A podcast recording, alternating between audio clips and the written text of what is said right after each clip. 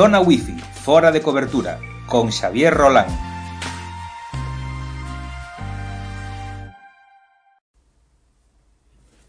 Hola, ¿qué tal? Benvidas, benvidos a un novo episodio de Zona Wifi fora de cobertura. Levo moito tempo sen, sen falar nin, nin aportar nada a este, a este podcast E o tema do que vou a falar hoxe, de se serve unha tablet para traballar, Pois é un tema no que xa levo cavirando moito, moito tempo. Vale, levo máis dun ano xa pensando pensando nisto e tratando de traballar, vale, traballar, ser productivo con a tablet.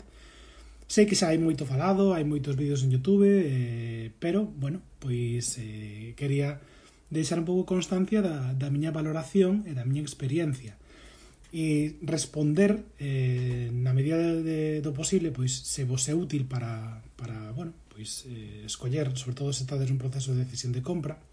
Se serve unha tablet para traballar, eh, se serve para ser mm, productivo, si realmente unha tablet pode sustituir a un ordenador, eh, bueno, pois se che ronda algunha destas preguntas por a cabeza, eh, insisto, esta é a miña opinión, eh, que está baseada na miña experiencia, obviamente, vale? E creo que o xusto e o lóxico é empezar a pensar na clave de como traballar cunha tablet, porque para min a clave está nos fluxos de traballo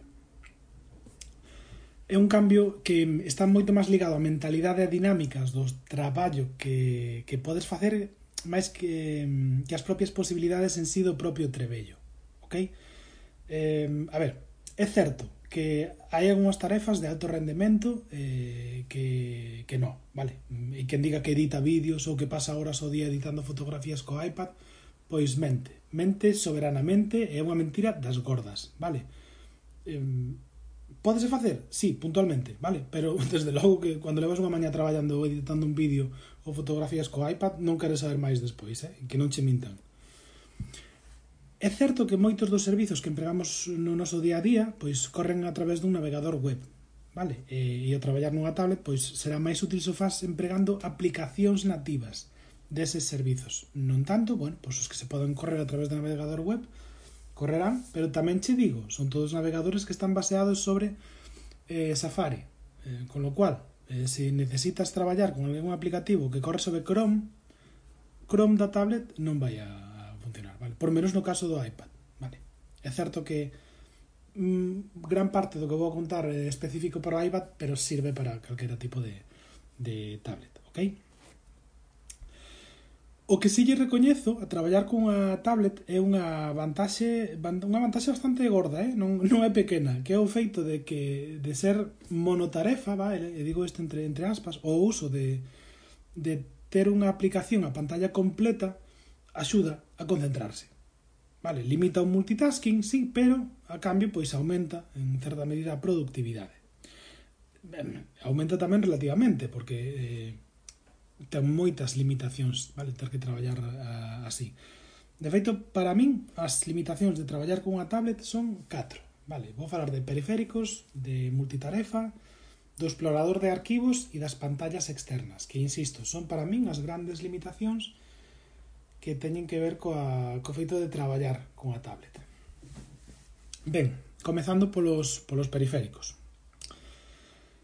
Eh, é certo que dende marzo de 2020, con, con iOS 13 ou iPad OS 13.4, eh, o iPad implementou o soporte para ratos externos. Okay? E isto multiplica as posibilidades. Eh, de feito, vamos, foi como pasar do día á noite. É certo que adiantaron os plans pola pandemia, de eso estou eh, plenamente seguro, vale, de que, de que foi así.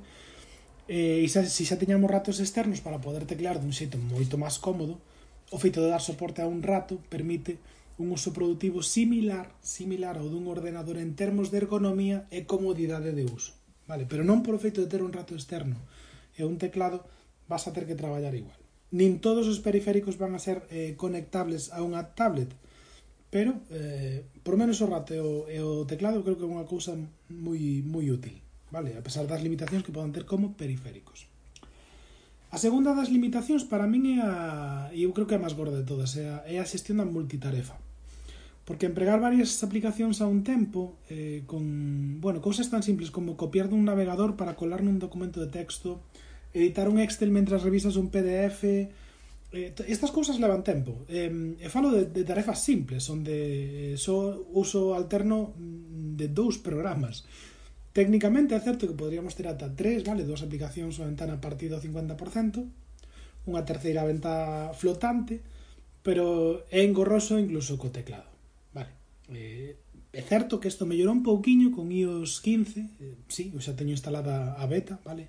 Neste momento estou probando a, a beta, pero segue a ser unha solución insuficiente, por lo menos para min. Eh, e a verdade é que isto é o que menos me gusta do iPad, a, a non posibilidade de xestionar as ventas flotantes. Eu creo que se tives esta opción cando tes periféricos externos conectados, vale, ou no modo horizontal, para min sería o meu dispositivo principal, eh, sen dúbida, pero non é así.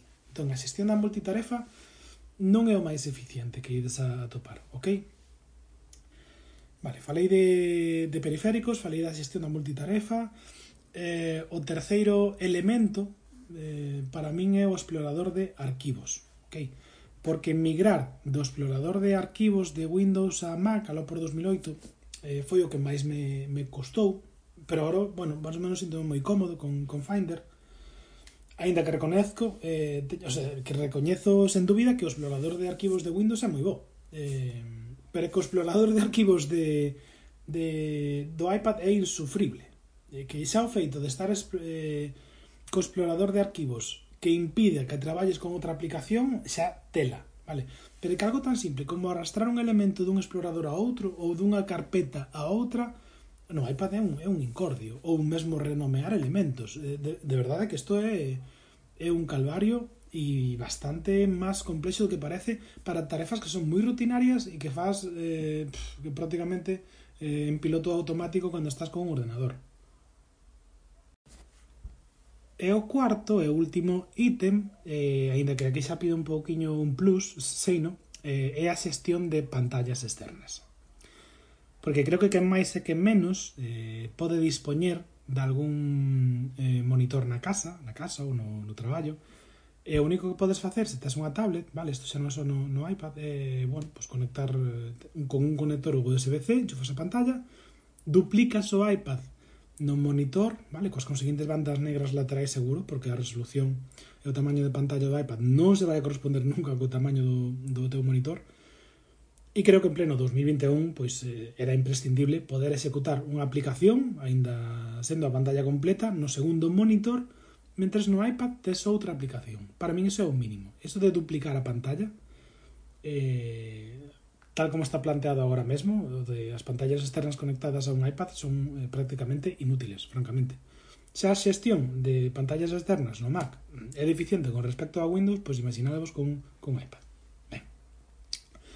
En fin, insisto que todo isto aplicas as tablets en, en xeral, eh, pero aquí tamén hai unha honrosa excepción, que é a Surface de, de Microsoft. Porque en realidad é un, é un Windows que ten unha capa tuneada para ser unha tablet, se me permitides esta grosería. Pero bueno, esta é a miña experiencia eh, e co iPad, e por eso vas falo sobre todo do, do, do iPad. Dito isto, cousas boas que ten o iPad. Pois, eh, mirade, se tedes un Mac, podedes empregar o iPad como un segundo monitor. Isto mm, parece unha tontería e é un uso gratuito para trebellos desde hai 4 anos para aquí, que antes había que pagar por unha aplicación como Luna Display, por exemplo. Pero funciona francamente ben. Eh, e é, a veces é moi cómodo ter un, un monitor externo pequeniño, como un iPad, se tes un, un portátil pequeno, como pode ser, por exemplo, un MacBook Air, ¿no? por exemplo O lápiz, por exemplo, do iPad é super cómodo. Vale, falo do, do Pencil 2. Eh, probei o 1 e estivo ben, pero o 2 é carísimo, pero, pero é cómodo, vale? E según para que tarefas, eh, pois pode ser moi cómodo. A ver, eu, por exemplo, na miña experiencia, non me acostumo a, a tomar as notas.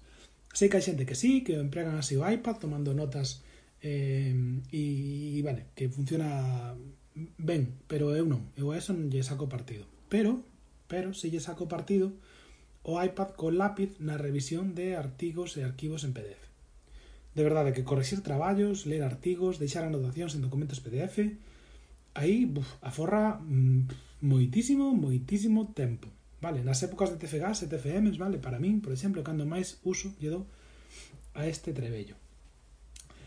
E eh, unha última cousa boa, ainda que isto non é só do iPad, eh, a conectividade sen fíos, de verdade, é unha maravilla. auriculares, ratos, teclados, todo funciona ben.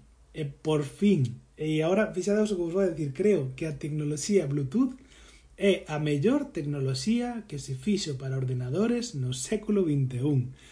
De verdade, grazas, porque por fin temos algo que, que funciona ben en termos de conectividade, que ten un consumo baixo e, de verdade, que máis Bluetooth, por favor, máis Bluetooth así, ok?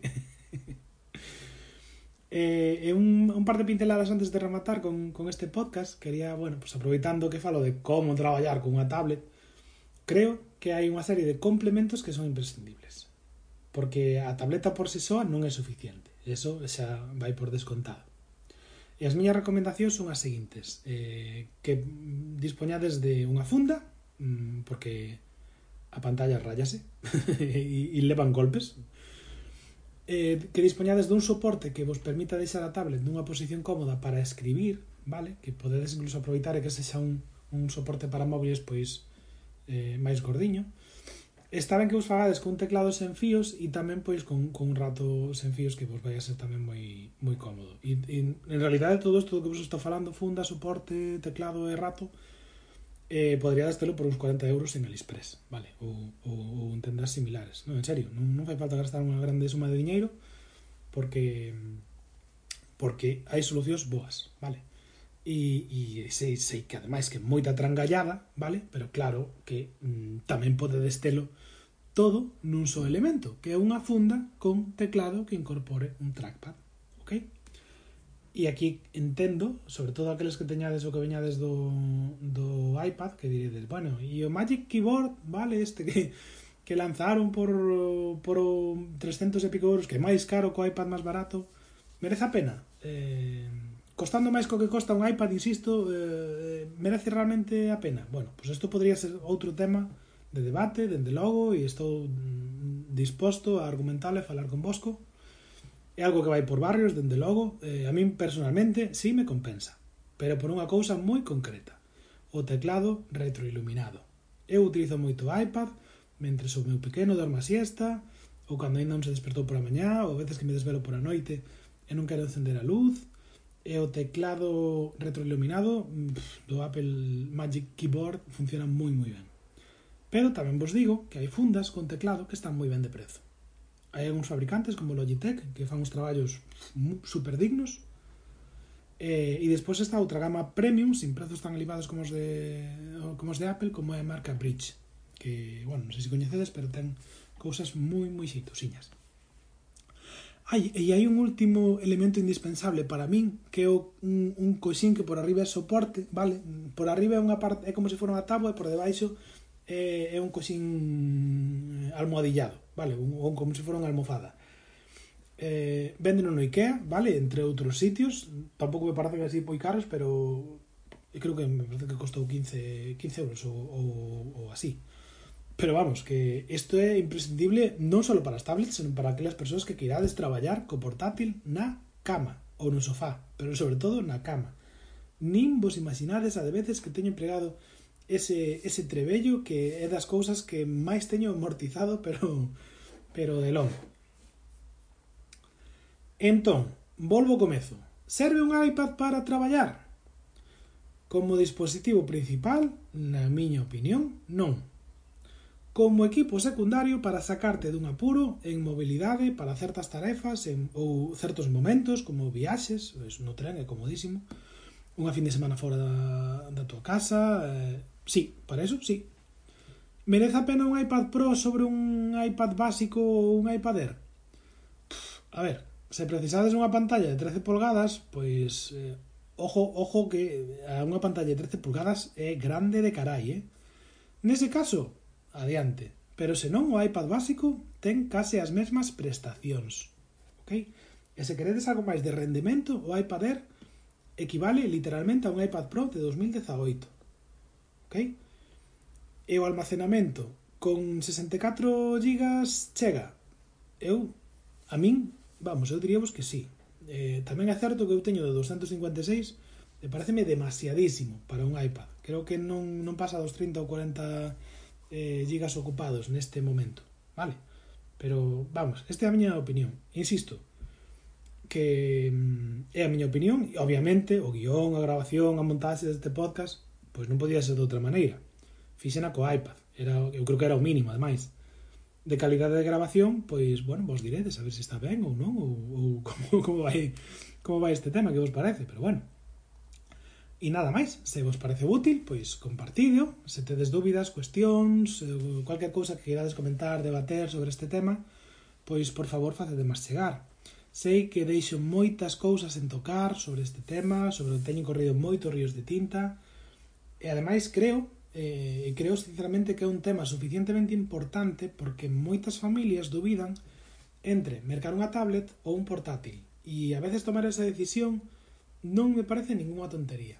E xa non falo eh, simplemente por unha cuestión económica, senón porque podedes despois ter o trebello morto de risa porque necesitabades para unha tarefa en concreta que non hai a facer ou que non ides a poder facela eh, e dá rabia, dá rabia eso, vale. Así que nada, agardo que vos fora útil E nada máis, ata o próximo episodio de Zona Wi-Fi fora da cobertura. Chao, chao!